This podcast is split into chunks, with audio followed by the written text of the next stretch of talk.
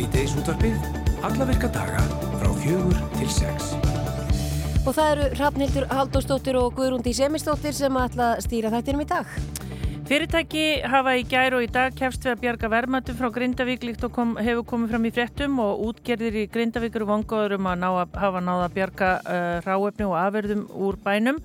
Orf líftekni tókst að sækja verðmætt fræ sem verið er að rækta í grænu smiðjunni í Grindavík og það er nýlegt hátækni gróðurhús. Berglind Rán Ólafstóttir, hún er frangandastýra Orf líftekni, viljum að ringi hana. Líkúsið á Akureyri er auglist til sölu eða leigu á akureyri.net og í morgunblæðin í dag. Eh, hvers vegna er líkúsið til sölu og er ekki lögbundið að reki sér líkúsi í hverju bæðafélagi?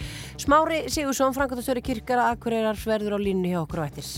Fræðslu nefnd Náttúrulegningafélags Íslands efnir í kvöld til málþingsum offittu og þar er yfirskriftin eru lausnin skurðaðgerð, livjameðferð eða. Og uh, þannig eru margir uh, sem að munu stíga á stokk og tvær þeirra sem að þarna tala eru Erla Gerður Sveinsdóttir, líðhelsufræðingur og sérfræðilegnir við offittu meðferð. Hún heldur erindum það hvort að livjameðferð sé lausnin og Solveig Sigurðardóttir formaður samtaka fólks með offittu. Hún er með erindi sem heitir Hvað er með þessa offittu? Það er alltaf að koma til okkar í síðdeis útafbýta og segja okkur betur frá. 60 ára eru síðan eldgósið sem að myndaði Surtsey hófst frá upphafi hefur vísindafólk fylst grann með framgangi náttúrunar í Surtsey allt frá því að fyrsta plantan namðar land til dagsins í dag þegar fjölbreytt plönt og dýralífi er í enni og í kvöld verður sínt heimildamind um Surtsey og Rúf eftir Gísla Einarsson og Magnús Alla Magnússon og við setjum okkur í samband við Gísla Einarsson í Borganesi á eftir. Það stendur yfir heimsting kvenleitoga í hörpu og við ætlum að ringja í Hönnubyrnu Kristjánsdóttur sem fer fyrir þinginu. En við ætlum að byrja á fréttum utan úr heimi. Hinga er komin Ottur Þórlásson fréttamaður. Velkomin. Já, þakka fyrir. Já, hvað er helst títt út í hennum stóra heimi? Uh, út í hennum stóra heimi eins og bara undan farin rúman mánuð er búið að vera stríðmiðli Hamas og Ísraela á Gaza. Það er svona það sem að ber hæst í, í öllum fjölmjölum út í heimi og sömulegis í þeirri ennlendu umfjöldin sem er hérna rúf líka. Þa, það, þetta er svona bara gegnum gangandi á hverju mennsta degi eitthvað að frétta. Já, og sjúkrahús, maður heyrir stöðu að fréttir af hörmulegu ástandi þarna og að sjúkrahús séu ramagslaus og ja, þetta sé bara skelvili staða. Já, sko, það eru nokkur sjúkrahús þarna sérstaklega í norður hluta Gaza sem að það sem að mestu átökin eru, sérstaklega bæði á jörðuniri og, og flestar loftáru sér. Það eru fullt af sjúkrahúsum sem eru eiginlega bara orðin óstarf hæf. Stærsta sjúkrahúsið þarna, Al-Shifa sjúkrahúsið, uh, frangvöldastjóri Alþjóða heilbríðismálastofnunar sagði það í gæra í dag að þetta líktist nú bara frekar gravreit heldur nokkuð með sjúkrahúsi, Al-Shifa. Uh, ástandi væri orðið svo slæmt. Uh, undanfæri mánuða svo hafa starfsmennarna fjórusunum þurft að grafa fjöldagrafir fyrir fólk sem ekki verið að bera kennsla á. Það eru um 200 manns í fjöldagrafum þetta núna. Inni á sjúkrahúsunni eru um 2000 manns innliksa, segir Rauði Hálmónin, komast ekki út vegna þeirrar hættu sem er fyrir utan sjúkrahúsið. Það eru bæði uh, stanslu skotrið og sprengja ára sér. Þannig að fólk sem að bæði er veikt þarna, fólk sem að er sært, fólk sem að ástvinni og fólk sem hefur leitað skjóls þarna kemst ekki út. Og ekki nóg með það að þá er líka eiginlega öll orka þarna úr þrótum, raforka og, og annað. Þannig að það er ekki að knýja lækningatæki eins og öndunarvélar, hitakassa, blóðskiljunatæki og annað. Þannig að þetta er eiginlega bara, bara ólýsanlegt. Já, en uh, svo heyrði maður að Biden var hann ekki að halda eitthvað ávarp og byggjum að sjúkrahúsum væri hlýft? Jú, þetta hefur verið svona það sem er efst á bögi í umræðinu um, um gasa núna undanfarna 2, 3, 4, 5 daga. Það er þetta með sjúkrahúsin og, og, og meira segja nánustu bandamenn Ísraela, bæði Brettar og, og Joe Biden bandar ekki fórst eins og þú segir kunna, hafa verið að kalla eftir því að, að, að menn svona reyni eftir fremsta megni að tryggja það að það sé hægt að veita heilbríðstjónustu á þessum stríðsfæðarsvæðu. Það búa á gasa 2,3 miljónir manna og það er nánast ómögulegt að veita þær heilbríðstjónustu sérstaklega norðurhlutanum. Og, og, og bæði þjóðurörgisfrákjafi Kvítahúsins og Joe Biden hafa sagt bæði dag og gær það verður bara að tryggja vernd þessara stofnana, þessara sjúkrahús. En það hefur heldur ekki tekist einhvern veginn að ég meina hjálparsamtök hafa átt erf með að koma hann inn og hjálpa. Já, og, og það er bara og allt því að helbriðstofnun og, og fleiri bara búin að missa samband við hjálparsamtök. Já. Þannig að það er bara ekkit vitað um afdrif þarna. og það er ekkit vita hver þörfin er eða hvernig á að veist, komast að með hjálpargögn og annað. Ísrael er stýra þarna flæði hjálpargagna að og líka stýra í raun og veru flæði eldsneitis inn á norðurhluta gasa sem að nýtist þá til að knýja raforku hérna drifin tæki á sjúkrásunu og uh, Ísraelar segjast já við hjálpuðum hérna til með því að koma nokkrum bensínbrúsum hérna upp að sjúkrásunu en Hamas bara bannaði, okkur, bannaði læknum að, að nýta þetta eldsneiti til að knýja sjúkrásið uh, hvort sem það er réttið ekki að þá er það bensín sem að uh, Ísraelski herin kom þarna með í brúsum upp að sjúkrásunu það var nót til þess að knýja sjúkrásið í einhvern hálftíma Þannig að þetta er ekki neitt neitt. Nei, þannig, þannig að ástandið er mjög, mjög erfitt og það er kannski eitthvað verið að reyna svona maldi móun og, hjálpa til. Ísraels er við líka komið með hitakassa á Al-Sifa sjúkrásið sem var mikil þörfur á, bara núnum helgina þá dóu sjö fyrirburar á Al-Sifa sjúkrásinu sem hefðu þurft að verið hitakassa en gáttuð ekki. En þú getur ekki komið með hitakassa og ætlað síðan að knýja þá með elsneiti sem þú veitir heldur ekki. Þannig, þannig að þú þarft raforkuna til að knýja hitakassana sem þú ert að gefa Já. þannig að þetta er bara endalus endalus umurð. En nú var, voru fréttir að því að leittóðar Araparíki ætlið að hittast um síðustu helgi og, og ræða þessi mál hérna er, eru komnar einhverja fréttir af þeim fundi kom eitthvað út úr því? Já, ég er bara ekki viss, þú veist, það er smá eins og, og löndheimsins horfi bara á? Já, bjarga laus oft sko, en samt finnst manni allir geta einhvern veginn gert eitthvað en, en þetta er oft bara uh, snúin staða, geopolítisk staða, menn í einhverju refskák alltaf og, og á meðan þá þjáist fólki sem að býra þessum sveið. Já, uh, og að já, þessum einum helstu bandamönnum Ísæðismanna sem eru breytatnir, þar voru mikil tíðindi á síðustu dögum. Heldur betur. Í gær þá var það tilkynnt snemma morgni að Rísi Súnak fósettarháðara myndi stokka upp í, í ráþæraliðið sínu. Uh, þetta er eitthvað sem er vel þekkt í, í, í breskum stjórnmálum. Þetta er í annarsinn sem að Súnak gerir þetta í sinni ennbættistíð og uh, það er svona vakti fyrst aðtikla þetta morgunin að, að Suella Bravermann, innanriksráþur og einn nánasti bandamæð Súnaks var látið um fjúka.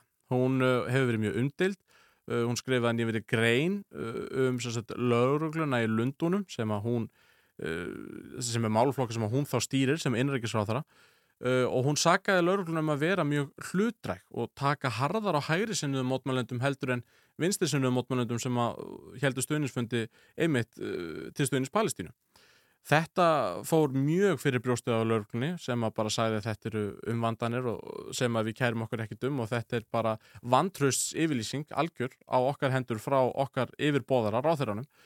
Uh, þetta var mjög umdilt og hún var látið fjúka. Uh, í stað hennar kom James Cleverly sem er svona einn aðalsbrautan hann í ráþæraliði Súnags. Uh, hann var færður úr stól uterikisráþara í stól innarikisráþara eftir að Súalu Bráman var vikið úr starfi í stað uterikisráðarans kom David Cameron mm. fyrirverandi fórsettisóru breyta og það datt reynilega andlitið af mörgum held í Breitlandi gerð þegar hann dúkaði þarna upp í dánistræti og, uh, og, og samþykti það að, að verða uterikisfæðar, að verða gerður uterikisfæðar. Hann er ekki einu sinni á þingi, hann er ekki búin að vera í stjórnmálum í sjór, hann röklaðist úr ennbætti 2016 uh, þegar að breytar kursu með Brexit og hann hefur ekkert gert í stjórnmjónu síðan og það þurfti að gera hann að þingmanni lávaradildarinnar svo hann mætti gegna stöðu udaríkisráþara að því er ég best veit. Hann hætti 2016 nota bene að því að breytar kursu með Brexit. Hann var alltaf mjög andvíur Brexit, vildi að breyta væru áfram í Europasambundinu og sagði þá þegar hann sagði af sér ég treysti mér ekki til að stýra okkar þjóða og skútu í næstu höfn af því að það verið sem þjóðin sé ósamála mér um Brexit.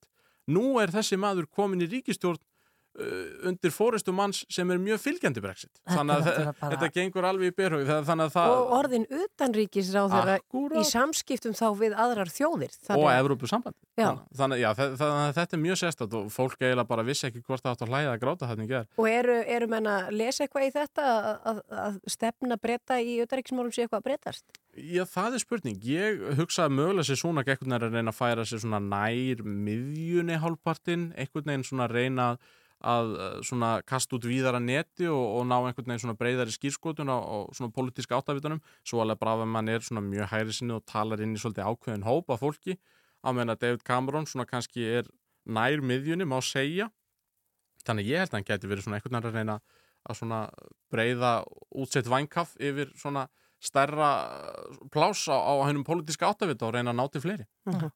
En Otur, þú er búin að vera mikið að fylgjast með erlendu fréttum undafarið.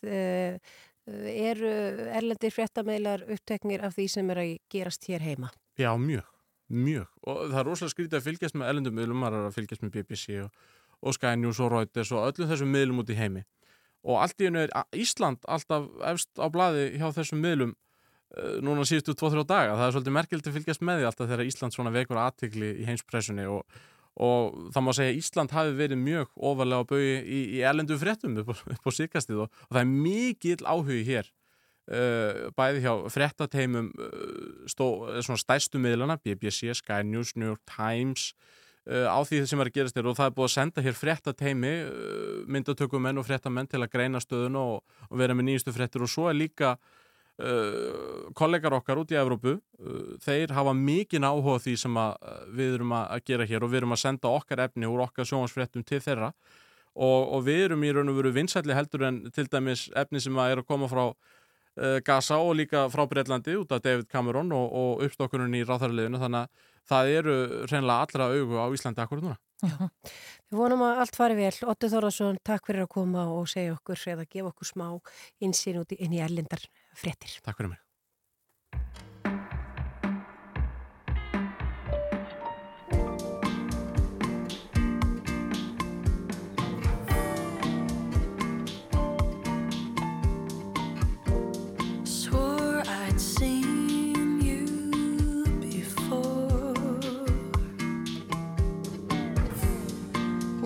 you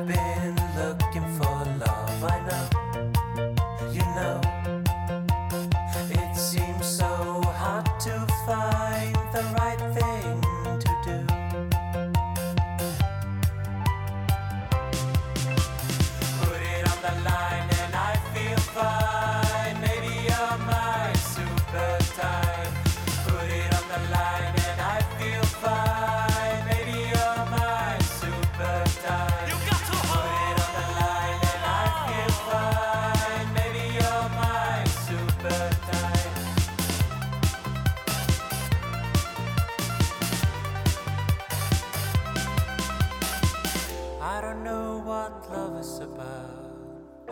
I don't know why I feel so sad. Chasing the clouds around. I thought I loved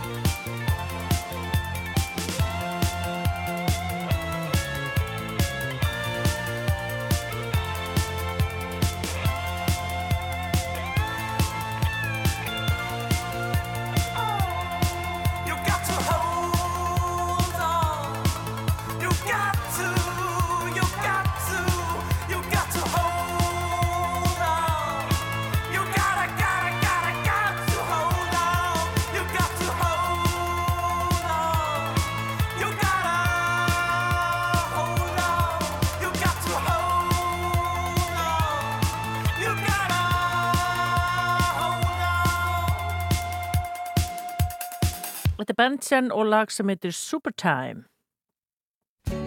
Nei, nei, ég ætla ekki að gera þetta. Ég ætla að gera þetta hér.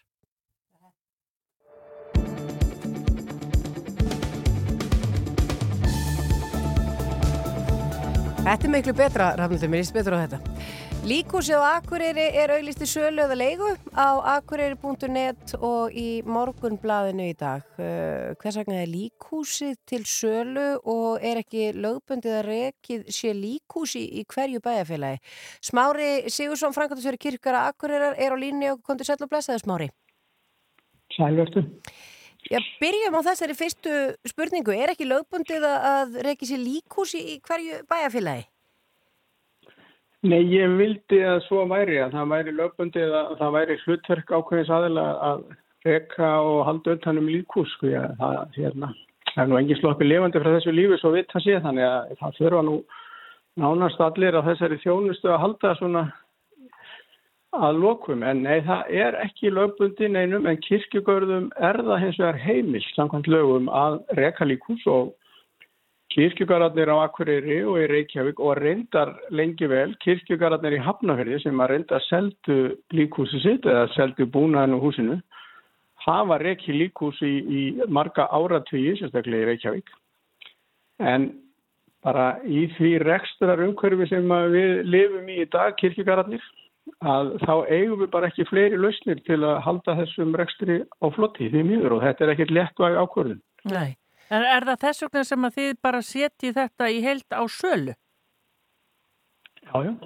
Við erum búin að berjast í bökkum við að reka líkhús eða umhverjunu okkar hjá kirkigórum akkurirar. Við erum þar með líkhús og, og aðtamarími sem að bara er mikið notað fyrir samfélagi hér og, og bráðan auðsilegt.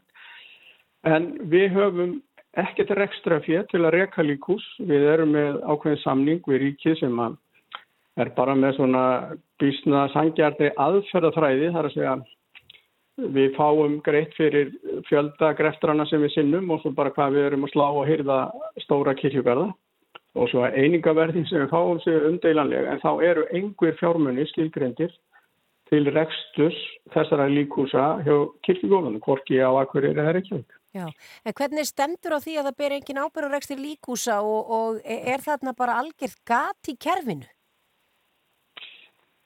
Já, það er lögjafans að setja regluverk og lög en, en það er alveg klárt að, að helbriðiskerfið að helbriðis yfirvöld gefa á dánar vottorð að lífslokun og síðan er það lögbundi hlutverk kirkjugarða eða grafreita að taka móti öllum sem að óska eftir jærsetningu hvar sem er, þar að segja að það má ekki grafa látin nema í kirkjugarði eða viðkjöndum grafreit eða fá heimil til að dreifa ösku. Þannig að Neini, það er bara gap í lögunum eða regluverkinu frá dánavottorði til grefturinnar. Þannig að hvernig er þetta núna þegar einstaklingu deyr og það er búið að gefa út dánavottorð, hvernig er þetta í flestum tilfellum það núna fram að grefturinn?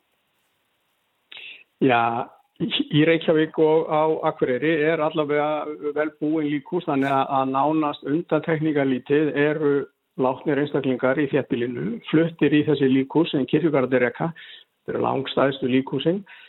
Síðan er í hefnum dreifðu byggðum, er í dvalarheimilum eða helsugjæslum, er einhvers konar rými fyrir eitt eða tvö lík.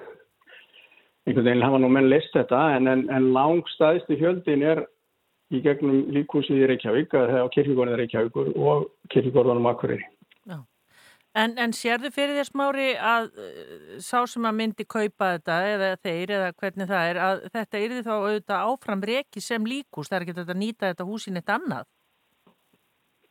Já, það er búið að koma ymsar hugmyndir í dag og, og hérna vangaveltur um alls konar tækifæri með þetta hús. Þetta eru þetta hérna, nýlegt hús og velbúið og, og flottum stað og þannig að það hafa komið yms, yms tækifæri eða ymsar hugmyndir skulle vorða það. Eh, Ég á bara ekki fleiri lausnir um það hvernig ná að fara að því að reka líkús án tekna eða rekstra fjö en sem bara borgari í, á Akureyri í samfélaginu þá þætti mér afar sátt ef ekki væri hér boðlegt líkús þegar mínir ástvinnir falla frá. Já. Hefur verið uh, prófað, eða er það ekki rétt, þið hafi kirkjugarar hafa prófað að rukka svo kallar líkúsgjald en, en var það ekki metið ólöfmætt? Já, við hérna þegar við gerðum samningi við Ríkið 2005 að þá lögðum við, þar að segja kirkjugararnir sem að þá voru þrýralega líkús, lögðum áherslu á það að það erði greitt fyrir rekstur á þessum húsum. Því var hafnað að yfirvöldu þá, þá var nú engavæðingin í, í fullu fjöri og átti nú engavæða allt og andlæði var þá að notandinn, þar að segja aðstandendur hins látnið að dánabúið ætti að greiða fyrir þá þjónustu að, að vista látin í, líkúsi. Og kirkjugarðin á Akureyri og Reykjavík byrjuði að innheimta eins og nefndir, svona þjónustu gjald fyrir til reksturshúsins, en það var kært eða var kvartað yfir því til umbóðsmanns alþingis og umbóðsmaður úrskurðaði sem svo að okkur væri þetta ekki heimilt af því að þetta væri ekki skilgrind sérstaklega í lögum eða regluverki og vísaði því til ráðunitis að, að skera úr um þetta og, og allavega skerpa leikreglunar. Þetta var 2007 en síðan hefur ekkert gerst hvað það var þar allavega. En hvernig er þetta í löndunum sem við berum okkur saman við? Eru þar, Já, já, hver ber ábyrð á líkhúsum þar? Já, það er svona í Skandinavíu og þessu, já, Skandinavíu og Nóri sérstaklega sem ég þekki nú bara bísna vel til að þar eru líkhús og bálstofur á einhvers konar opuböru forræði. Það er ímist svolítið misamt í landinu hvort þetta er á forræði sveitafélags, kirkju eða kirkjugars eða hins opuböra. Þannig að það er undantekninga lítið eða undantekninga laust allavega þar einhvers konar opumbert forræði á rekstri líkhúsa og bálstofu. Já, og hafið þið reynd að fá áheyrð ráþherra í, í þessu málum? Já, allir þekki ekki sögun okkar og upplýsingarnar okkur bísna vel. Ég heldur við höfum hitt alla dómsmálar á þeirra frá allavega í það minnsta frá árunni 2011 þegar byrjaði nú virkilega fjara undan reksturinnum hjá okkur, þar að segja. Já, við höfum ekki náð viðtali við núrandi ráðherra en, en, en það er á dagskráni að, að hérna, við eigum allavega bóka, bóka hann fund en, en þetta snýst ekki bara um kannski líkhúsin á Akureyri og Reykjavík heldur kannski það sem þú nefndir þetta í upphafi bara hvernig er forræði líkhúsmála á landinu það er nú ekkert langt síðan að þessi umræða kom upp á alþingi ef ég maður rétt. Það sem var verið að ræða um það að hvernig ætti að leysa þessi mál á östfjörðum og, og enginn vildi grípa boltan. Nei, maður getur ímynda sér sko, fyrst þú talar um Reykjavík og uh, Akureyri og Hafnafjörð, hvernig er þetta þá á minni stöðum á landinu?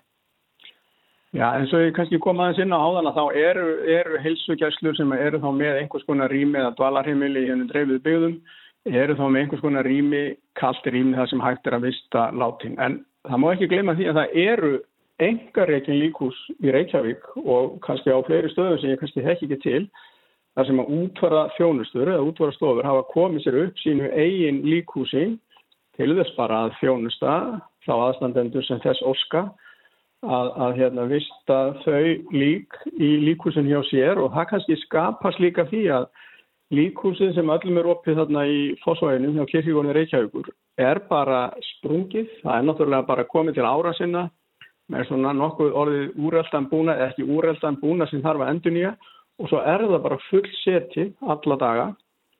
Og þetta mál þarf auðvitað að leysa því það liggur fyrir að andlátum mun fjölga um 100% á næstu 20 árum.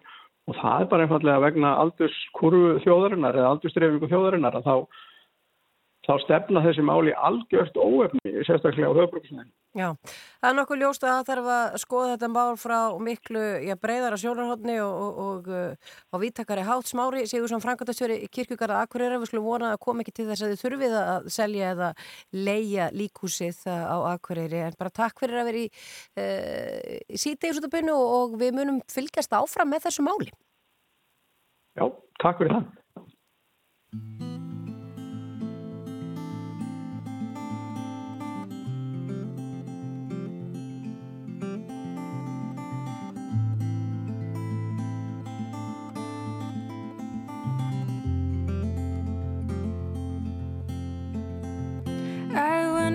And cried after my show last night. I've never felt so alone. It's like somebody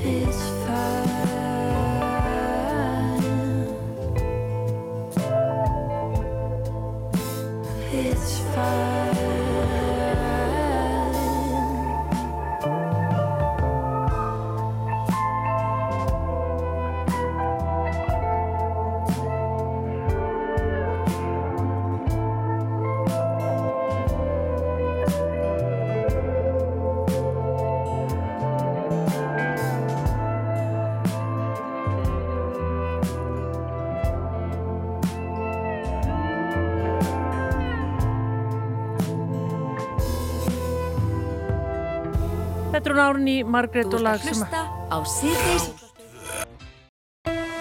Rástvö Fyrst og fremst í 40 ár Núna getum við komið inn og uh, við ætlum að segja ykkur frá mynd sem að verður sínd í sjónvarpi allra landsmanna í kvöld. Það er að segja, þetta er mynd um Surtsey eftir Gísla Einarsson og Magnús Alla Magnússon og ætla að sé nú ekki bara betra kunna að láta okkar mann Gísla Einarsson segja okkur frá myndinni. Sæl og blessaður Sæl og blessuð, sælar og blessaðar. úr hljóðstofu í Borgarnesi.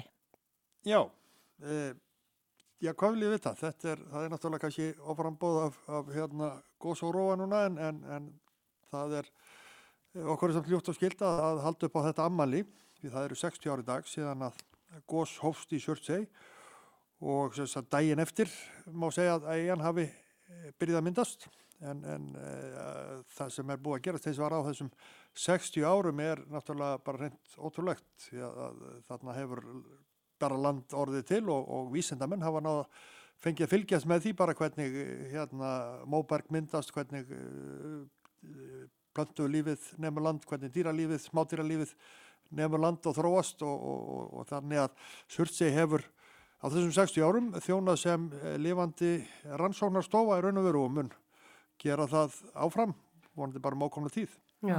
Er þetta gísli, er þetta eh, valla einstæmi í heiminum eða þetta er nú valla algengt að, þessi að fylgjast með já, lífi kvikna svona?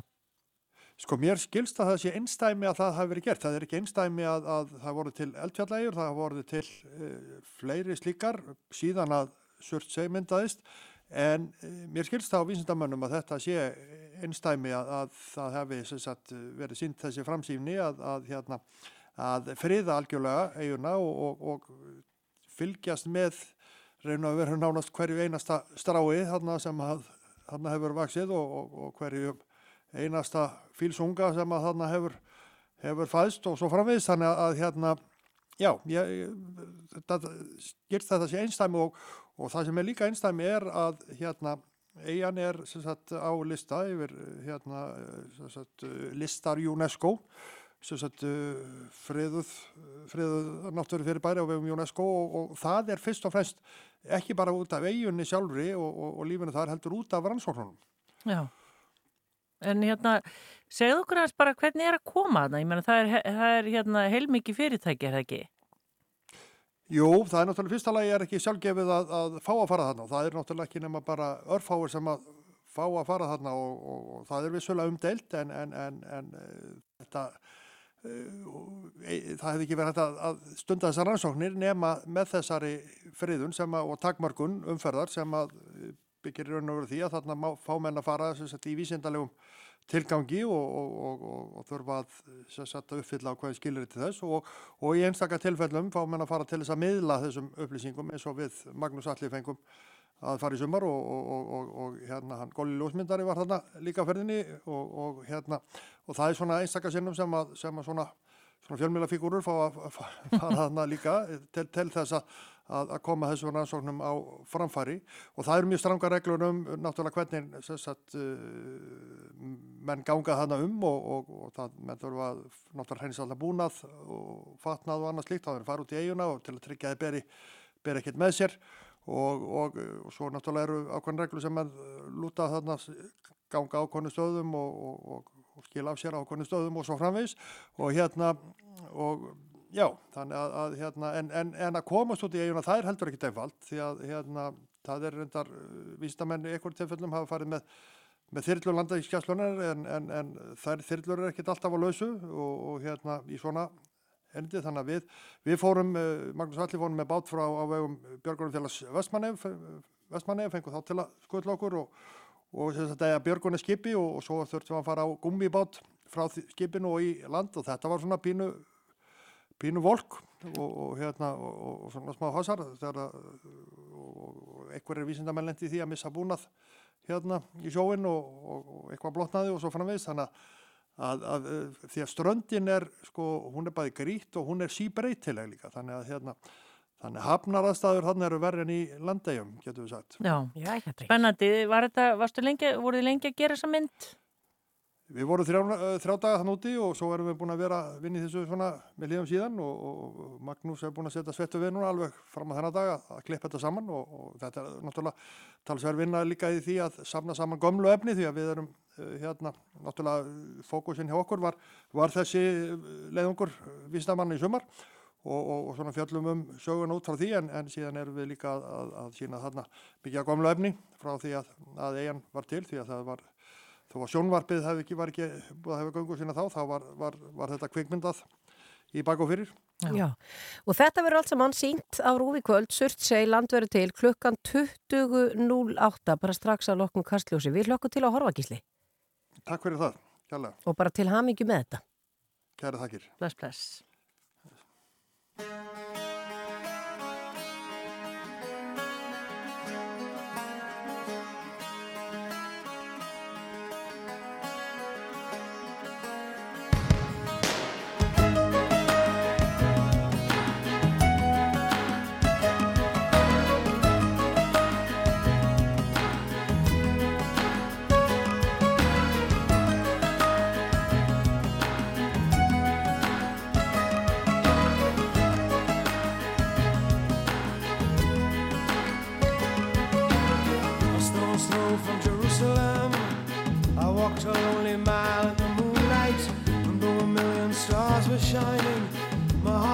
Lost on a distant planet that whirls around the April moon, whirling in an arc of sadness.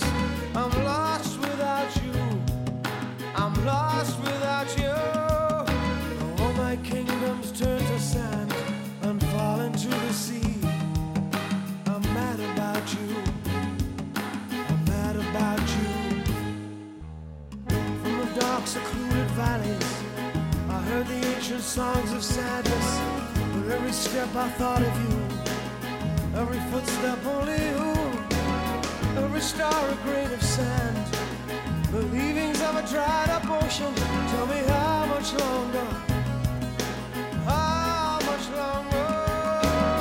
To see a city in the desert lies, the vanity of an ancient king. The city lies in broken pieces, where the wind and the vultures sing. These are the works of man. This is the sum of our ambition. Will make a prison of my life. If you became another's wife, with every prison blown to dust, my enemies walk free.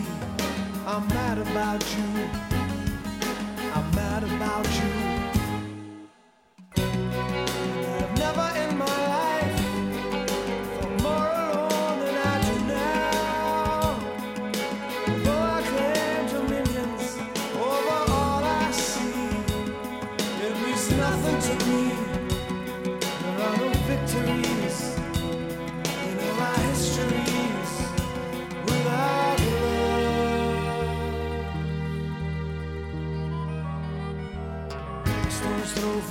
Jerusalem. I walked a lonely mile in the moonlight. A million stars were shining, my heart was lost on a distant planet that whirls around the April moon, whirling in an arc of sadness. I'm lost without you. I'm lost without you.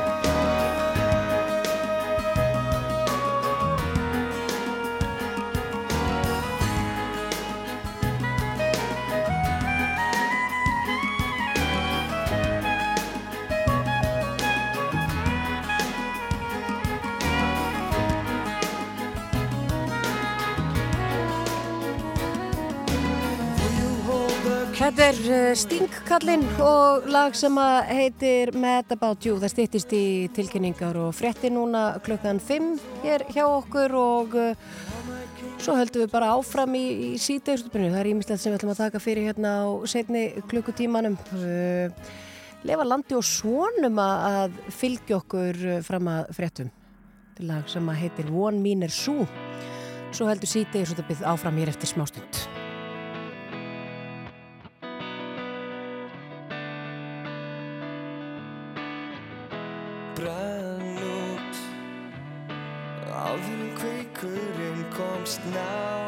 Nálægt loganum beið samt með frosna drauma á klakanum eftir hitanum. Þá ég ætla mér að þýða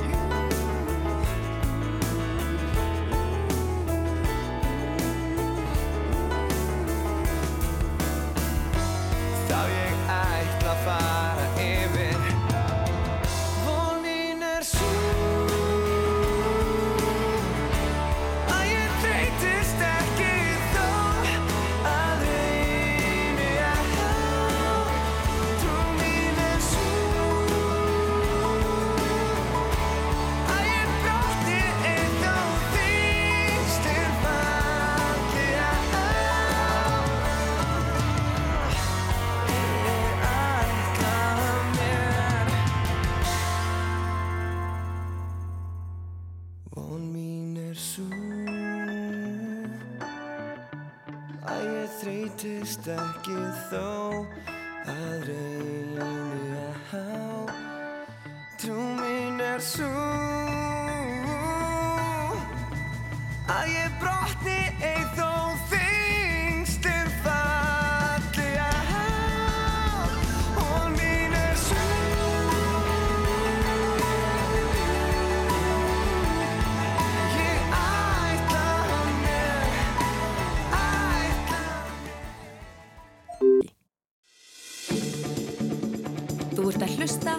síðdeis útvarpið Á Rástvö Við erum mættar hérna aftur og höldum uh, áfram að vera hérna til klukkan 6 í dag. Og við ætlum að snú okkur næst að málþingi um offitu því að fræðslunefn Náttúrureikingafélags Íslands efnir í kvöldi málþings um offitu. Það sem að yfirskiptun er, er lausnin skurðagerð, lifameðferð eða. Og meðal frumælenda eru aðasteinn Arnarsson Kvíðhóls skurðlækni sem að ræður um efnaskipti aðgerðir. Erna Gunnþórsdóttir læknir og vogi ræðir efnaskipti aðgerður og fíknisjúkdóma. Erla Gerður Sveinsdóttir líðelsufræðingur og sérfræðilæknir við offitummeðferð spyr hvort að lifameðferð sé lausnin og Solveig Sigurðardóttir, formaður samtaka fólks með offitu, er með erindi sem heitir Hvað er með þessa offitu? Og þær síðast nefndu eru komnar yngar til okkar, Erla Gerður og Solveig, velkomnar. Takk fyrir. Já, ég var að byrjum á þér, Solveig, þú nú komið hérna áður til okkar í síðdeis útarpið og uh, þetta er svona búið að vera alltaf heitt mál hérna undanfærin misseri. Þetta með, með offituna og, og, og hérna bæði uh, líkamsvirðing og bara einhvern veginn að gefa þessu aðeins meir í gaum og á annan hátt en að áður hefur verið gert. Jú, satt. Og bara takk fyrir að bjóða mér. Já, hvað hérna, hvað eru við í þessu? Man heyrir náttúrulega bara núna að annarkur maður sé farin að fara í aðgerðir og annars líkt. er, er, er við komin einhvern veginn á, á svaka hraða í þessu öllu saman? Við erum komin svolítið að hraða með það að fólk er að finna sínar eigin leiðir vegna þess að þjónustan er kannski ekki alveg svo besta og hérna þannig að fólk leita bara leiða það sem er eiginlega það versta við það að það er kannski hefur ekki hugmynd um hvað það er að gera. Já, og það barust fréttir að því að fólk er jafnvel að fara til útlanda. Jú, jú, það panta sér bara eitthvað og eitthvað á netinu og fyrir eitthvað og, hérna, og panta sér aðgerið sem kannski einhver vinkona eða einhver fór í og, og umverulega veit ekki hvað það er að panta sér og hérna, það er hættulegt Já. en að meðan að það er ekki betri þjónusta hérna heima að það mun fólk leita sér hvaða leiðar sem er. Erla, þú hefur líka áður komið til okkar í sítiðsúttarpi og auðvitað búin að vera í þessu uh, í mörg, mörg ár. Bara hver er staðan í dag? Ég meina, er þetta þannig að ef einhver sem að til þessu vera hérna allt á þungur eða allt á feitur, getur hann bara annarkvæmt farið í aðgerð eða farið á lif og það með list þetta sem hann er búin að kannski einstaklingum búin að hafa ágjur af alla tíð? Sko, offita er náttúrulega mjög flókin og hún er ekki, hún leys, er ekki leist með einföldum aðferðum en efnaskipta aðgerð og lif geta verið alveg mjög góð hjálpartæki í heldarmyndinni og uh, stundum eiga það bara mjög vel við og stundum er það rétta meðferðin. En þetta er eins og við, það sem við búum við núna, þetta er svolítið svona vilda vestrið að, að, að það er ekki nægilega, fólk er ekki nægilega upplýst um bæði hvað offita er, hvernig sjúkdómur er þetta, hvað er að gerast til líkamannum, hvaða meðferð á þá við, hvað gera lifin, hvað gera aðgerðnar, hver á að fyrir hvað og hvað þýðir þetta, læknast þetta, nei, þetta er, þetta er langvinni sjúkdómur, þetta er sjúkdómslega, hvað gerist svo, hvað þarf að gera samhliða þessu, þannig að þetta er, þetta er stóru flóking á það og ég er búin að vinna við offitum meðferð sem læknir í núna 15 ár og og ég hef ekki sín eina einstaklinga tvo eins sko þannig að Já, þetta mhm. er rosalega einstaklingsbundið og flókið en um leið merkilegt og skemmtilegt að fást við þetta Já, en eins og varðandi þessar livja meðferðir, getur þú aðeins, af því þetta er nú frekar nýtt á nálinni og þú er ekki komið til okkar til þess að ræða nákvæmlega þessi Mhm. liv sem eru komið núna á, á Mhm. á bóðstólunum, getur þú aðeins farið yfir þetta með okkur? Já, já, uh, þetta eru liv sem að, uh, þetta er í rauninni það eru mörg liv í gangi og, en þau sem eru hér á, á, á Íslandi eru svona stungulif það sem er verið að líka eftir hormóni sem að meldingavegurinn framleiðir. Og, og þessi hormón setjast á alls konar viðtaka sem eru til staðar í líkamannum en það sem er, það er búið að breyta sem sagt hormóni sem að líkamann framleiðir er eftir svo stuttan helmingunan tíma bara mínutöfu eitthvað svo leys menn að þessi lif hafa alveg sólurringa eða viku. Þannig að það verða miklu meiri áhrif af þessu hormóni þegar að lifin vinna þarna. Þannig að þau setjast á okkurna viðtaka og breyta til dæmis settutilfinningu, svengtatilfinningu uh, þau hafa áhrif á, á, á blóðsjökurefnaskipti, þau hæja magatæmingun en þau gera alls konar hluti í líkamannum. Þannig að þau eru fyrst og fremst ætluð til þess að hjálpa líkamannum að koma jafnvægi á kerfi sem að voru farin, e, voru farin að raskast. Þetta er ekki megrunarlif, þetta er ekki lif til þess að fara inn í heilbreyða líkam og tröflaða. Þannig að það er gríðarlega mikilvægt að nota þessi lif rétt. Já, en eru þau ekki, eru þetta ekki sikursíkislif? Í grunninn, þau koma á marka sem sikursíkilif vegna þess að þessi hormón sem um ræðir þau hafa eh, sagt vinna í, í, í þessum sikuröfnskiptunum e, líka og eru bara mjög góði í því nema hvað að þau gera fleira það eru viðtakar á miklu fleiri stöðum og það fór að sjást að fólk vera léttast svo mikið þá fór að uppgætast þessi viðtakar sem er í heilanum sem stýra settu kerfinu þannig að, að þetta er í rauninni þó þessi talað um þessi nýlif þau eru búin að vera að marka í 15 ár þannig að þetta er ekki glæni það er bara að fara að nota því öðruvísi og það má nota því öðruvísi núna því að nú eru rannsókninnar á bakveða sem sína Já, og, og sumir fá þetta niðugreitt, aðrir ekki. Já, mjög fáir. Já, hverjir? Það er hérna, sko málið er að, að regluna breytist núna fyrsta nógumber og uh, við sem störfum við þetta við erum mjög ósátt, vægast sagt við þessar breyttu reglur því að þetta er að útiloka gríðalega marga frá því að fá rétta meðferð við sínum sjúkdómi og reglunir eru mjög strángar fyrir utan að það er teimis meðferð sem er reyndir sjálfur sér gott ef hún var til en það þarf náttúrulega að byggja hana upp fyrst. En það eru einstaklingar yfir 45 í BMI með þá uh, alvarlega fylgisjúkdóma sem ekki hefur tekist að, uh, að vinna með í að minnstakosti 6 mánu með öðrum leiðum. Eða þá einstaklingar hefur 35 í BMI með lífsógrandi kannski býða til lífæri skiptum eða eitthvað þannig það sem að þarf yngrepp en málið er þetta eru einstaklingar sem að eiga að ekki, náttúrulega alls ekki vera meðhandla svona seint í sjúkdómnum og ef þeir fá meðhandla þá á aðgerð miklu betur við vegna þess að aðgerðin er öflur en lifin. Lifin eiga að koma inn í ferli miklu fyrr. Mm. Þannig við erum að, að vera að þvinga okkur til þess að beita rángri meðferð og hérna við erum ósátt við það og bara hugsaður allan ójöfnun auðvitað getur fólk keiftið sér lif en þau eru dýr og það er þetta að skapa mikinn ójöfnuð þetta er að, að, þetta er að, þetta er að, að hindra fólki að fá rétta meðfyrir í sínu sjúkdum og það er svo margt rámt við þetta og það, við verðum bara að bregðast við að krafti því þetta, bara, þetta er ósangirni sem að, sem að bara gengur upp Og er þetta bara endanlega ákvörðun? Er bara búið að það þetta svona? ég vona hún verði ekki en, en hún, þetta, var, eh, þetta fór í, í gildi núna 1. november og, og, við erum nú að reyna að, að mótmæla þessu og við munum gera það af krafti við erum svona bara rétt að, að, að, byrja að þá svona vegferð okkar en við, við bindum vonir við að þessar reglur verði endur skoðanar því þær, þær standast engan vegin um uh, bara bara rétt sjúkling, bara lögum rétt sjúklinga til eh, meðferðar og allt svolítið, þetta er bara, þetta er bara skelvileg staða. Já. Solveig, þú ert með erindi þarna sem að beri yfirskriftina, hvað er með þessa offitu? Hvað, um hvað ætla þú að tala? Já, ég ætla nú bara svo sem að tala um, út frá minni reynslu, manneski sem lifum áfötu, en mér finnst þessi, sko, þessi umræða um áfötu, hún er bara eiginlega í vittlesu, hún er bara í hring og vittlesu, vegna þess að við verðum að fara einblýna á þessa staðreind að áföta er sjútumur og þegar fólk er með greindan sjútum áfötu, að það verða að vera til hérna yngreip sem hægt er að nota og eins og með lifin að fólk er núna til dæmis að missa lifin sín. Ég held að það myndi ekki gerast við marga aðra sjútdóma, viðkenda sjútdóma.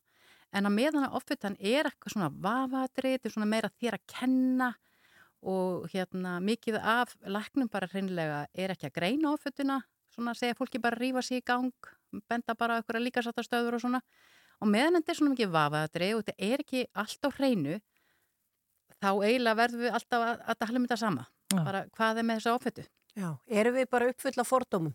Við erum kannski ekki alveg uppfulla fordómin en við bara vitum ekki nóg og mér finnst vanta bara miklu meiri þekkingu og ég vil byrja að segja að það þarf að koma þá frá háskólum vegna þess að heilbyrjastafsfólki okkar er ekki að fá nægilega sko bara mentun. Ég veit að til dæmis ég átti samtal við hérna lagnanema sem að, eða, hún var að klára sitt, sitt nám og er árið lagnir og hún saði mér hún vekk fjóra klukkustundur á, í sex ára námi um áfötu en ekkert um sjóttómin áfötu og tvo klukkutíma um næringa, næringafræði. En þegar þú lærið að gera þér? E, eitthvað rosalega litjaldi, það er líka svo langt síðan en hérna þegar ég ætla með þessu útskriðast á læknadeildin í 94 þá uppgötast fyrsta lifið, nei, fyrsta, fyrsta efni sem að fytuvefurinn framlegur og sendir í heilanum með sem sleptíni, þá held allir að vera búið að lesa gátuna, síðan er búin að finna svona 600 efni sem að fytuvefurinn framlegur þetta er alveg gríðarlega efniskipta maskina þannig að landslægið er mjög breytt. En ég er ekkert vissum að það hefur allir haldið sér við í þekkingunni á þessum tíma. Þetta, þessari miklu, miklu framþróin í þekkingu á, á sjúkdómnum því ég veit að það er ekki á þínum eða ykkar hérna borðið þetta með sko skurðaðgerðir, er þar líka hálgert vilda vestur? Já, já, ég, ég reyndar starfa við að undirbúa fólk eh, undir skurðagerðir og, og, og, og eftir með fyrir eftir það. það, það er mitt aðalstarf. En hérna þannig að, að, að já, eh, sko, skurðagerð getur verið frábær leið en það þarf að nota það yngripp rétt, velja bæði réttu meðferna, undirbúa það vel og vera með góða eftirmeðferð. Vegna þess að þetta er frábært yngripp en getur svo auðveldlega snúst í höndanum á manni og, og þannig að við, við sjáum það alveg að fólk er að fara mjög óundirbúið í þessar aðgerðir og ekki þá búið að leiðrétta allskins þætti sem þarf að leiðrétta í þingdastjórnur og kerfum líkamans áður en þetta yngripp er og það er bara pínu svolítið rúsneskulegt að hvernig þetta endar sko. Já. Og eins og þið segið, það er, já, það er ekki nema von að fólk verði aðeins ringla þegar að svona, já, margir valkostir er í bóði og, og, og það hendar ekkert, eitt hendar ekki einu sem hendar öðrum og svo framvegis. Mm -hmm. Þið ætlaði að taka þetta sérst fyrir á þessu málþingi og e, það er þá væntalega með bara ja, undir því skyni að, að fræða. Nákvæmlega. Og Já. þetta er á hvað? Þetta er á gamla, eh, við köllum Já. hótiloftleðir, Já, já. svo var það Natúra Já. og núna heitir það hvað? Er ekki að berja, já, já. Það heldur maður sér svona eitthvað berja, já. Já, Æ, ég veit ekki bara allir hvað gamla loft, hótel loftleir Jú, jú. Já. Þetta er sem sagt fræðslu nefnd Náttúrulegningafélags Íslands sem er efni til þessa málþings á þessu ágæta hóteli. Jújú, jú, það er það er borðið Já. þannig fram. Og þetta hefst klukkan uh, halv átta og er ekki bara allir áhuga sem er bara velkomnir? allir velkomnir og, og er bara rosa gaman að, að taka þessi umræðu sem að, að, að bara fer náttúrulega um víðan vjall þarna en við skoðum mörg sjónarhótt þannig að það verður bara mjög spennandi að, að, að sjá hverju, hvernig stemmingi verður. Já. Takk kærlega fyrir komuna Erla Gerður uh, Sveinsdóttir og Solveig Sigurðardóttir og ganga ykkur vel í kvöld. Takk fyrir. Takk fyrir. Takk. Síðdegis útvarpið. Ekki slæmur félagskapur það. Frá fjögur til sex á Rás 2.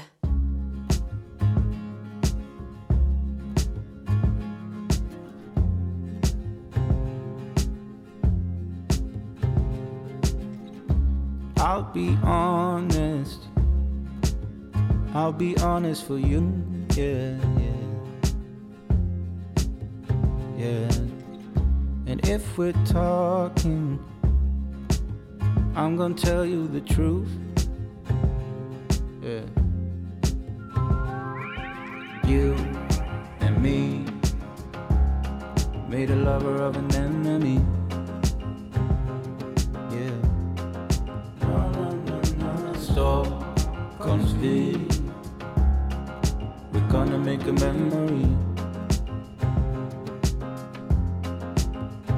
Cause you've been on the west side, showing them your best side. You've been wearing new jeans and shoes. While I've been living less life, sleepless, get no rest nights, thinking about us and how I do. You and me made a lover of an enemy. Yeah. No, no, no, no. V.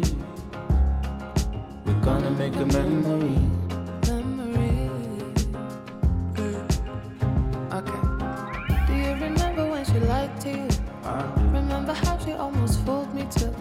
You could do better, I mean honestly. I. This is your city, it's your Stockholm's Light rain is a veins, diamonds on my face. I don't wanna say I'm not okay. You say you wanna go, I wanna stay. Baby, it's okay. Yeah, I'm okay by myself.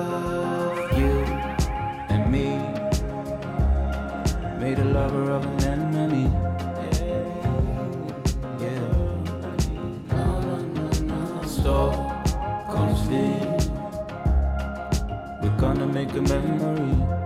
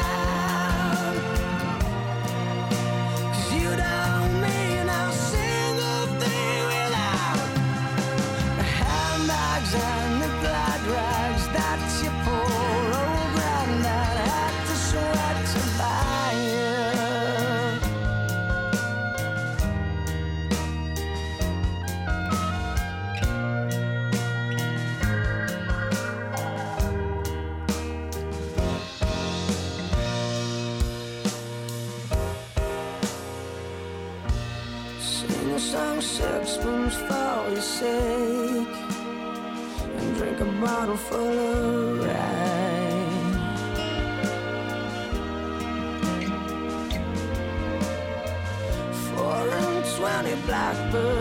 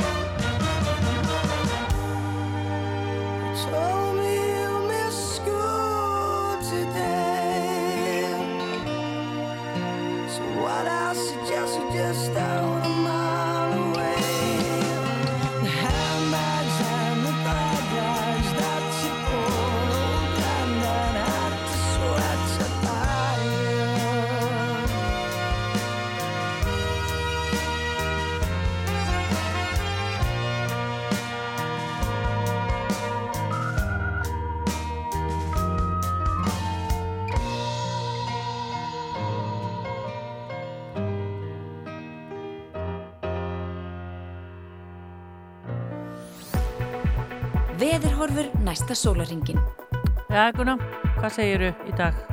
Ég segi nú svona upp og ofan í dag en uh, spáin lítur svona út eða uh, horfur næsta sólafningin eru svo hljóðandi austan 5-13 metra á sekunda 13 til 18 í vindstrengjum á sunnavörulandinu það eru skúrir austan og suðaustan til en yfirleitt þurft og bjart annar staðar austan og suðaustan 5-13 á morgun og þyknar upp vestan til með dálítið vætu en bjart verið fyrir norðan og hiti 0-7 stig og það er mildast sunnan til Uh Það er bara þessi vindur sem hefur gert svona, manni, manni finnst einhvern veginn kaldra en það er. Já, hann í... að tölver vindkæling en eins og ef við kík bara á, bara á staðaspána hérna þá til dæmis hítið við frostmark fyrir norðan og austan og ekkur eru á eigilstöðum þannig að það er nú Það er kalt. kaldara, já, já, já, já. Uh, og morgun það verður einhver úrkoma eins og á kirkjubaklausturi og annars sýnist mér bara að vera þurrt líka á femtudag og föstudag. En á föstudaginn ég er náttúrulega segildi ekki dýrar en ég gefti það þetta aldrei í föstudaginn en þá þá er 6 stiga frost á Akureyri og 4 stiga frost á Egilstöð Já. þannig að þar þarf fólk eflust alvarlega að íhuga það að fara að fara yfir á vetradekkin en eh, flestir þar eru búnir að huga því öllu saman. Já, það bárust réttir að því í dag að þetta var fyrirtækjum hleyft inn til Grindavíkur í morgun til þess að svona klára að tæma lagera og fristi gemslur meðal annars sjávarútis fyrirtæki og annað slíkt.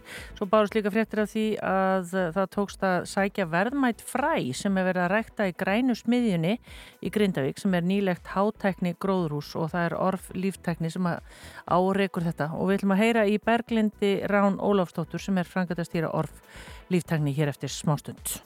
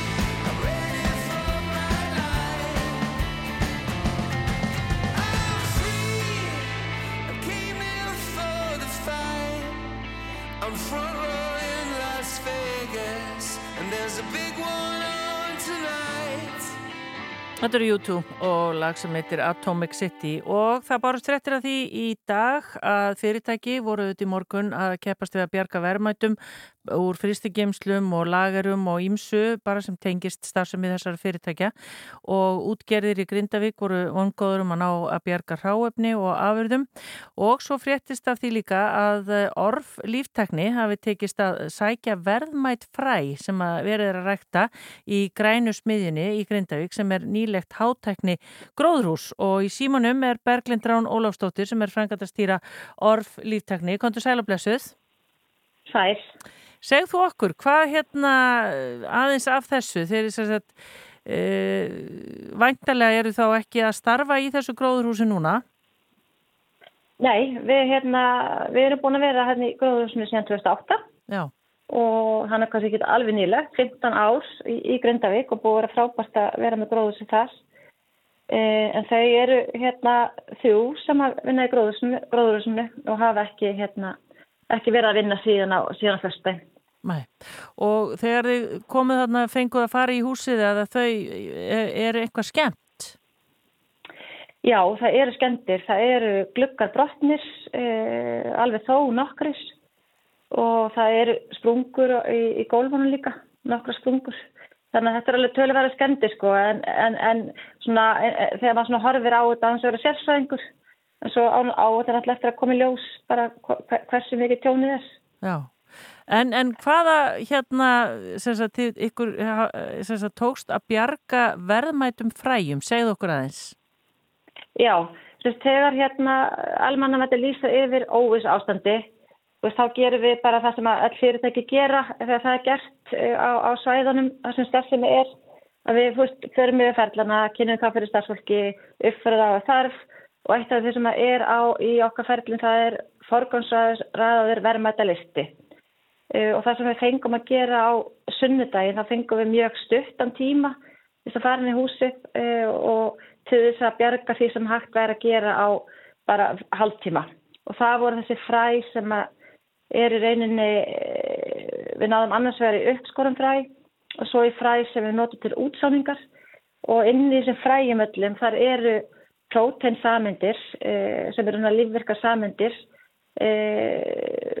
sem að frægin runni framleiða. Þetta er erðarbett bygg og þannig er við til dæmis að framleiða virku efnin í bæjöfægt snýsturverunum og svo erum við líka að framleiða annars konar uh, samindir sem eru notaðar í framleiðslu á vistkjöti þegar maður verður nýjunga á, hérna, í matala uh, framtíðin okkar.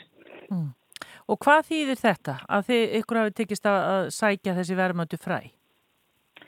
Þá erum við að minka tjónið sem verður fyrir og, og hérna tekur tíma að rækta þessi fræð þannig að við hérna þurfum að vinna upp minna heldur en ef við hefum mistu þannig að það er, það er hérna bara rosalega jákvæmt ef við gætum, gátum fara hérna inn og meti bara e, staðið á metin þannig en þú veist það er eiginlega ekki hægt að tala um þetta þetta eru auðvitað tími eru verðmætti sko.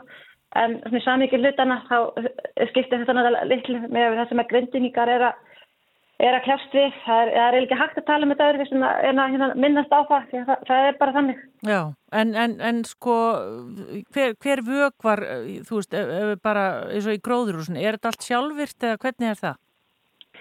Já, þetta er sjálfvirt vögunarkerfi og það var fyllt á það á fyrstublegin og vögunarkerfi það dugar þanga til á morgun og það er verið að skoða það verður skoðað í fyrramáli af lauruglunum síðinu sem hvort það muni teljast óhætt að hleypa okkur inn til þess að, til þess að bæta á vökunarkerfi. Það tekur alveg einn halvan tíma að gera það. En hérna, ef aðstæða leifa þá, og við fáum leifi þá munum við gera það. Já. Annars tökum við að því sem að hendum ber. Þið eru vantarlega bara að taka þetta klukkutíma fyrir klukkutíma eins og flestir hann á þessu sveiði? Já, við erum alltaf að gera það og svo notum við tíman þar sem við erum bara að býða og hérna erum bara að gera áallinir út frá vissmyndu sviðsmyndum. Þú veist, einn sviðsmyndin er að, hérna, að við missum allt sem er að nynni núna og þá erum við bara að hugsa ok, hvað gerum við til stemmri tíma, hvað gerum við til lengri tíma og allt þetta til að vera e, bara sem mest tilbúin en, hérna, en við erum, framlistan er þannig að við eigum alltaf tölvast umfram magn vegna þess að þessar samundir geima svo vel inn í fræjónum. Þannig að við hefum verið að byggja upp banka einmitt ef til einhver svona atbyrða kæmi. Við erum líka að rækta í Kanada, við erum með hérna, tölvast miklu meiri ræktum þar uh, og þar getur náttúrulega komið upp ykkur veðurtjón. Þannig að við bara, það er bara stefn okkur að eiga alltaf umframbyrðir ef eitthvað gerist. Já, en Berglind eins og sagðir aðan að þá eru auðvitað hugur ykkar bara hjá kannski, já, hjá grindvikingum sem eru náttúrulega bara eh, þurfa að yfirgefa húsin sín og heimilinn. Já, þetta er náttúrulega bara alltaf öðru sér staða sem þau eru í. Það er bara eh, erfitt að ímynda sér það og bara auðvitað. Við hugsaum bara mest til þeirra og, og, og auðvitað að bara hafa ekki neitt slagfast uh, í þeirra allir saman sko. Það er það, er það nummer 1 og 3. Við erum alveg, alveg hérna, alveg þar eins og öll þjóðin. Mm -hmm. Berglind Rán Órastóttir, framkvæmtastýra orð, takk fyrir að gefa okkur já, örlittla insýn inn í þetta hjá ykkur. Takk fyrir. Takk fyrir að gangi ykkur vel bless. Tastes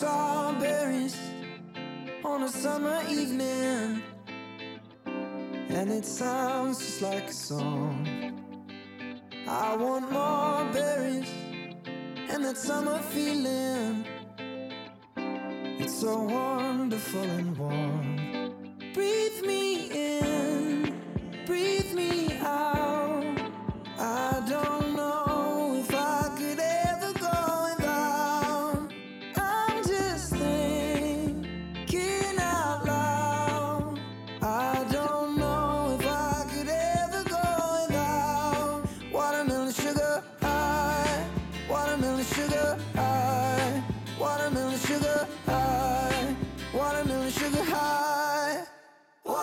sugar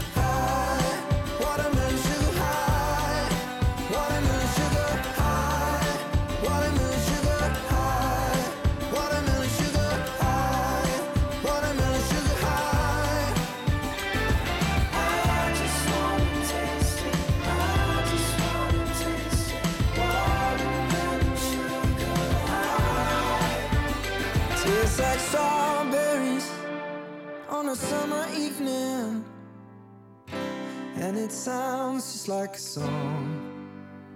I want your belly and that summer feeling. I don't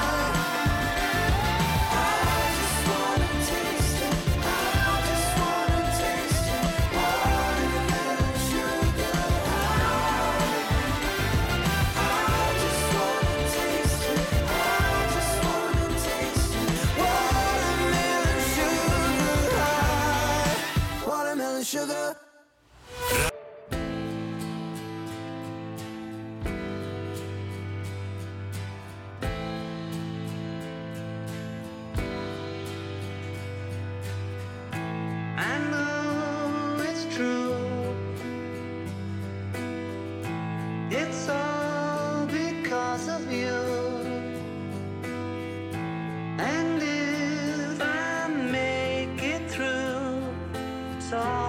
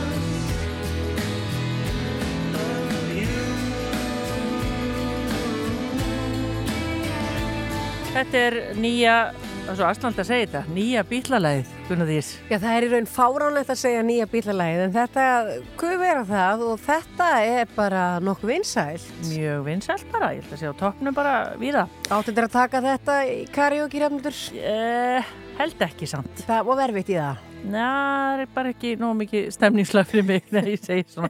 En það stendur yfir heimsting kvenleðtoga í hörpu og við erum konið í samband við Hönnubyrnu Kristjánsdóttur sem er stopnandi þessa viðburðar og hún er í símanum. Kontur selvblessuð, Hanna Byrna. Sælar, sælar, gaman heyri ykkur. Sömulegðis, það er kannski aðeins farið hérna, minna fyrir þinginu út af dollu núna. Er það ertu ekki sammála því? Já, það er bara fullkomlega eðlilegt. Það er eðlilegt að sé verða forgámsvæði fréttum í, í þá og það sem er að gerast hér heima. Þannig að það er farið aðeins minna fyrir því en það er ekkit svo sem farið minna fyrir því hérna í hörpu. Er, ég held að sé með fjöldi, voru með 530 konur frá 80 löndum og ótrúlega öflug og mikilvæg umræða og heimstingi eru þetta festa sér í sessi hjá þessum hópi þjóðarleðtóa og leðtóa í viðskiptum og, og, og mentun og hvaðan sem það er. Þannig að það eru konur frá 80 löndum hér þannig að það hefur verið mikið að gera en auðvitað hafa allir verið að fylgjast með stöðunni hér heima og mikil samkend. Já, Eh, það voru hvað, kynntar niðurstöður um viðþorf til Karl og Kvenleðtoga sem sagt, er það ekki, útskýru þetta aðeins fyrir okkur? Já, við á hverju ári kynnum við það sem við köllum vísitölu, þetta er Reykjavík Index heitir þetta, þetta er fyrir sem sagt við mælum viðþorf almennings í heiminum til kvenna og karleðtóa og það er misjandi eftir því hvort það er leðtóar í stjórnmálum, viðskiptum eða í hvaða greinum sem það er. Við mælum 23 greinar og við höfum búin að gera þetta öll þau sex ár sem heimstingi hefur verið og kynnum niðurstöðunar og það sem við vorum að kynna núna er auðvitað frekar leiðilegt en þannig er það að það hefur ekki, talan breytist ekki, ef eitthvað er þá erum við að sjá lækkun þar að segja að viðhorfi til hvenna er ekki að sagt, verða jafnara kvartlunum heldur í hina áttina. Og það sem er svona kannski var sérstaklega ábyrrandi að þessu sinni er svo staðrend að við sjáum að það er að gera sérstaklega hjá ungu fólki. Þannig að ungt fólk verðist jafnvel í sumum löndum vera minna jákvægt fyrir því að konur eiga verið leðtóðalutverkum heldur um foreldræðara voru og það er áhyggjafni. Og hvers vegna þessi afturför haldið þið? Það virðist vera sem að þessi viðþór og þannig greina sérfræðingar það, nú er ég ekki sérfræðingur í þessum tölum, en sérfræðingarnir greina það þannig að í sumum umræðu, pólitískur umræðu þá finnist sumum og sérstaklega körlum og ungum körlum að kannski hafa verið gengið of langt. Sumum finnst þessi endalösa sem sumum myndu segja en eru þetta ekki endalösa. Er staðan er bara svo að konur njóta miklu færri tækifær heldur um karlar um allan heim en sumum finnst í sumum löndum að þetta sé komið of langt. Já. Þannig að það er einhver svona varnar baróta sem að, að gagvart þessum viðþorfum sem er náttúrulega algjörlega fáránleg árið 2023 og að konur sé ekki komna lengra í alþjóðlegu samhengi er virkilega sorglegt og það er það sem við erum að reyna að nálgast hér. Já, og voru, ég meina, hvað ég var að segja, var það svona sameigileg ákvörðun að nú skal bara haldið áfram í þessari vegferð? Já, það sem við erum að gera og við kynntum auðvitað því að þetta er ekki allt, staðan er ekki allstaðar svona, ég meina staðan er og við kynntum sérstakar rannsók sem við gerðum á öllum Norðurlöndunum að frumkvæði fórsettilsáþra, þannig að rannsóknin er bæði á heimsvísu og svo tökum við Norðurlöndin sérstaklega út fyrir og staðan er bara miklu betur þar og staðan er svo að á Norðurlöndunum eru e, meðaltalið í heiminum er í kringum 70 eða 69 sem er auðvitað allt og látt sem þýðir það að, að konur fá 69% af umbyrulindinu sem karlar fá 100% af sem sem leðtóar, en á Norðurlöndunum er þessi tala aðstu því 14 punktum herri og á Íslandi er hún 19 punktum herri. Þannig að það var auðvitað verið að líka ræða það að sumstaðar virðist þetta vera þokast lengra, en það þýðir þó ekki að Íslands er komið á loka stig þó að við mælum hæst, þá erum við ekki komin í hundrað í þessum viðþorfum og enn og mikilvægur að Ísland haldi vökusinni og sé sá leiðtóði sem við verðum að gera. Því við sjáum það í umræðanum hér að ef Ísland myndi slaka á í þessu samhengi þá mynd, myndi mjög margir aðrir slaka á og, og svona þarna, fyrirmyndin stæði aftar. Já. já, hvað er eftir núna að gera? Er, hérna, já, hvena líkur þinginu? Þinginu var að ljúka. Þinginu lögsast áðan, vorum að slíta því áðan og í fyrsta skipti vorum við að leggja áherslu á það sem við kallum Reykjavík Action Items, þannig að við erum að bóða fjórar aðgerðir sem við teljum að geti hjálpað öðrum ríkjum og fyrirtækjum og öðrum. Við erum að leggja áherslu á það að þessi jöfn tækifæri til launa. Við erum að leggja áherslu á þessi jöfn tækifæri til að taka þátt í ákvarðanatöku. Við erum að leggja áherslu á sameigilegt fæðingarólof foreldra og við erum að leggja áherslu á að útrýma kynbun ofbeldi. Það eru punktarnir sem við vorum að nefna og það sem var ótrúlega ánægulegt og ég var verulega stolt af að í lok þingsins voru veitt sérstök verðlaun, verðlaun til kvennafrísins á Íslandi. Þannig að við vorum að heiðra þessar konur sem að tóku slægin fyrir okkur allar hinnar 1975 og það var verulega tilfinningaríkt augnablík hér í lokin þegar fósettis á þeirra aðfendi þeim verðlaun sem þakklættisfott fyrir það sem að þær hafa gert fyrir þessa baróttu hér og þetta allstæðar í heiminum. Já, og heimsþín kvenleið tóa verður haldi hér uh, miklu, miklu oftar. Já, heimstingleitu er búið að vera hér e, þarna sexinum og við höldum áfram og það við fest í þessi. Reykjavík er heimili heimstings kvenleitu þó við þetta förum líka víðar og höldum fundi og, og samkomur með konum víðar í heiminum þá er Reykjavík alltaf heimilið. Já, ummitt það. Voru það eitthvað skelkaðar yfir atbyrðunum og Reykjanesi það var alltaf treyst sér til að koma? Já, nú, það var nú aðeins þarna, það voru augnablika á förstudeginum og lögadeginum þar sem við höfðum miklar áhyggjur vegna þess að við vorum að taka mútið 530 konum og ég get alveg sagt að símalínan og all, allir samskiptamátar voru rauðglóandi en á endanum fengum við einungis 5 afbókanir.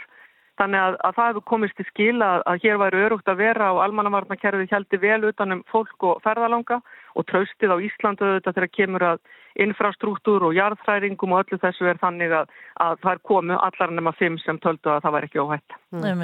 Hanna Birna Kristjánsdóttir, uh, leðtói heimsís kvenleðtóa, takk kærlega fyrir að vera á línni hjá okkur. Til að hafa mikið með þetta alls saman. Kæra takkir, takk, takk, takk, kæra takkir, bless, bless.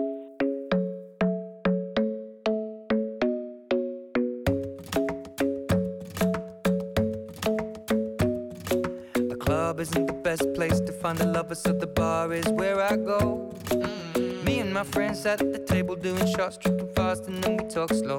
And you come over and start up a conversation with just me, and trust me, I'll give it a chance. Now take my hand, stop it, and the man on the jukebox, and then we start to dance. And now I'm singing like, girl, you know I want your love. Love was handmade for somebody like me. Come on now, follow my lead. I may be crazy, don't mind me. Say, boy, let's not talk too much. Grab on my waist and put that body on me.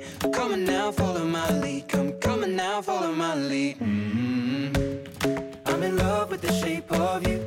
We push and pull like a magnet do. Although my heart is falling too. I'm in love with your body.